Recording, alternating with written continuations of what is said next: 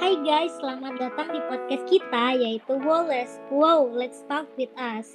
Kali ini saya nggak sendiri, saya ditemenin sama dua orang teman saya yaitu Wahyuni dan Tri. Seperti pribahasa, tak kenal maka tak sayang. Jadi kita kenalan dulu deh ya. Tri boleh disapa teman-teman yang lagi dengerin podcast kita. Halo, selamat datang di podcast Wallace. Seperti yang dikatakan Farah tadi, eh, di podcast ini kami ada bertiga yaitu saya, Triko Sardianto, seorang mahasiswa semester 4 jurusan Hubungan Internasional yang berkuliah di Universitas Muhammadiyah Kalimantan Timur. Nah, kali ini kami akan membicarakan podcast mengenai kerjasama internasional bidang ekonomi. Nah, sebelum kita ke podcastnya, mari kita berkenalan dengan teman kami yang satu lagi yaitu Wahyuni. Hai guys, ya bener banget. Saya Wayuni Ramadhani, mahasiswi HI semester 4 dari kampus yang sama dengan Tri dan Farah. Universitas Muhammadiyah Kalimantan Timur, kampus Oke, selamat mendengarkan podcast Wallace. Oke, kan tema kita tentang kerjasama internasional di bidang ekonomi kan?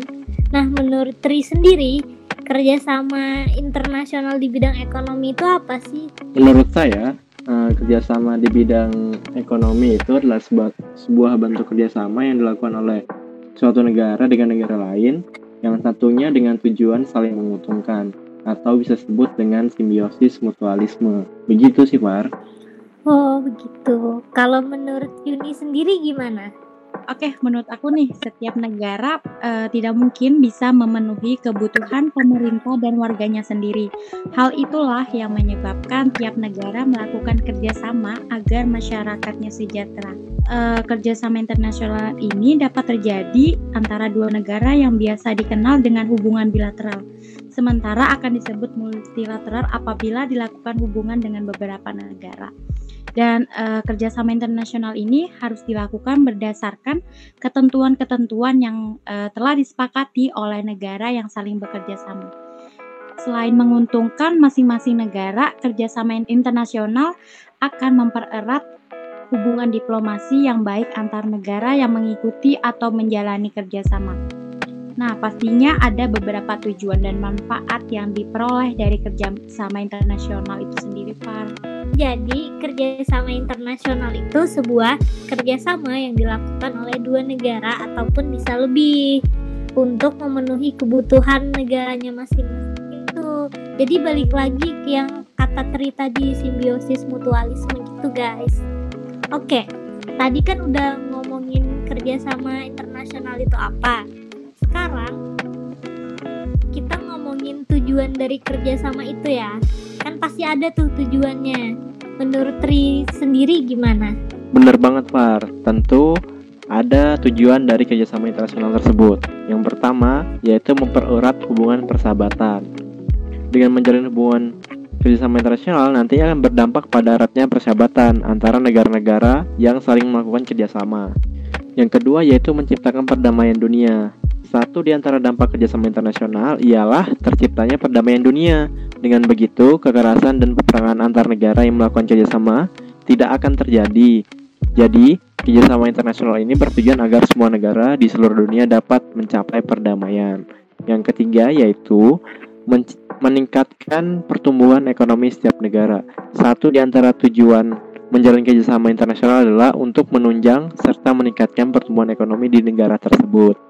Dan yang terakhir, yaitu melengkapi kebutuhan negara Tujuan kerjasama internasional lainnya adalah guna melengkapi kebutuhan negara. Seperti itu, Far.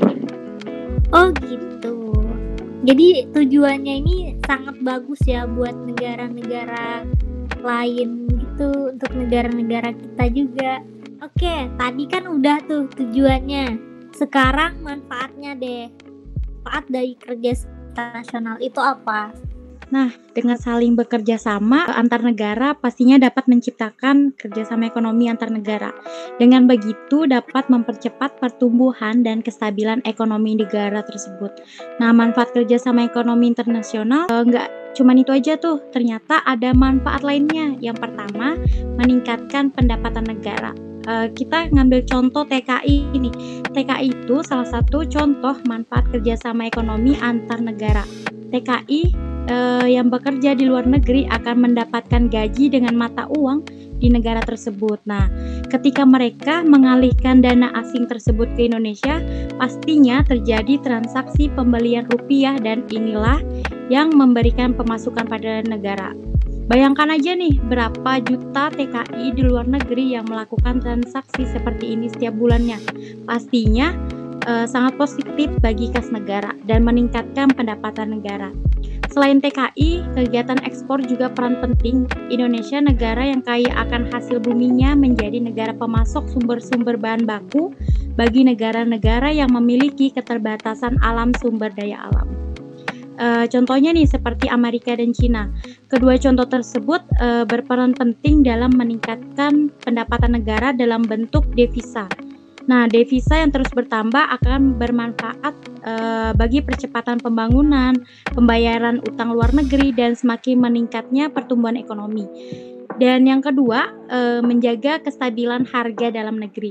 Nah, jika produksi lebih sedikit dari permintaan, pastinya akan e, terjadinya kenaikan harga. Gimana nih untuk mengatasi hal ini? Pastinya adanya penyeimbang antara permintaan dan keterbatasan produk, yaitu dengan memperbanyak jumlah produksi. Tentunya dengan solusi terbaik adalah dengan menambah kuota impor yang disesuaikan dengan permintaan masyarakat. Nah, karena itu Indonesia pernah melakukan impor daging sapi, beras, dan garam.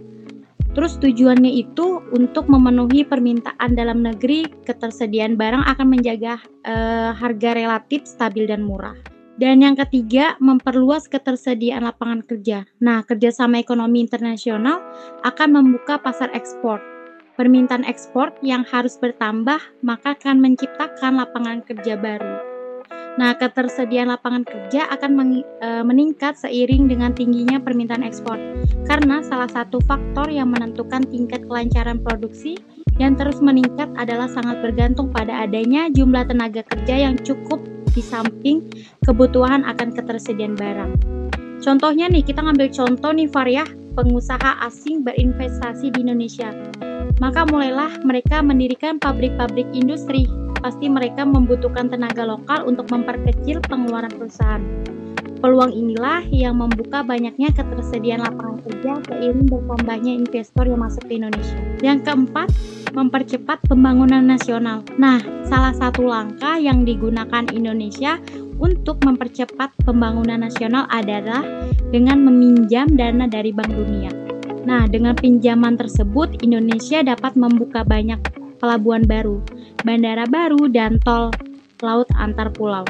Nah, hal ini ditujukan untuk mempercepat proses distribusi dan mempermudah jangkauan sehingga semua masyarakat bisa merasakan pemerataan pembangunan nasional. Nah, itu aja Far untuk manfaat kerjasama internasional dalam bidang ekonomi. Kira-kira teman-teman tahu nggak kerjasama apa di bidang ekonomi yang dilakukan Indonesia akhir-akhir ini? Hmm, aku deh ya. Kerjasama yang baru dilakukan, kerjasama yang baru dilakukan itu kerjasama antara Indonesia dan China. Pas tanggal 20 Agustus 2020 kemarin, Men Menteri kita, Menteri Luar Negeri Retno Marsudi, dia bilang kedua negara ini, kedua negara ini maksudnya China dan Indo ya di, jadi kedua negara ini memperkuat kerjasamanya bidang ekonomi selama dan pasca pandemi. Kerjasama ekonomi ini terbentuk karena ada pertemuan lateral gitu di sana Cina. Nih ya, sedikit informasi bahwa Cina adalah negara kedua yang menanamkan modal paling besar di Indonesia setelah Singapura. Gitu guys. Oh, jadi seperti itu ya, Far? Hmm, gitu sangat bermanfaat sekali ya bagi Indonesia karena kan ketika negara saling bekerja sama tentunya akan menimbulkan suatu keuntungan bagi kedua negara tersebut. Iya, jadi nggak Indonesia aja yang diuntungkan, Cina juga dong. Bener bang.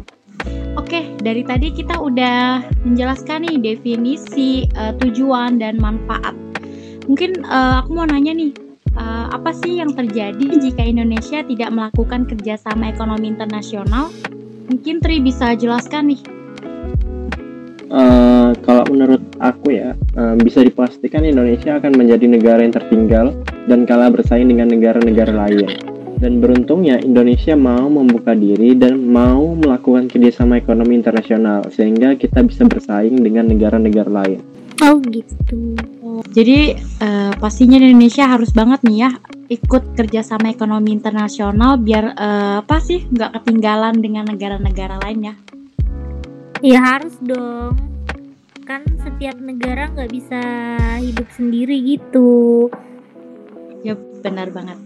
Oke okay, guys, sepertinya kita sudahi saja ngobrol-ngobrol santuy kita di episode pertama Wallace. Semoga ngobrol kita ini bermanfaat bagi kalian yang denger ya.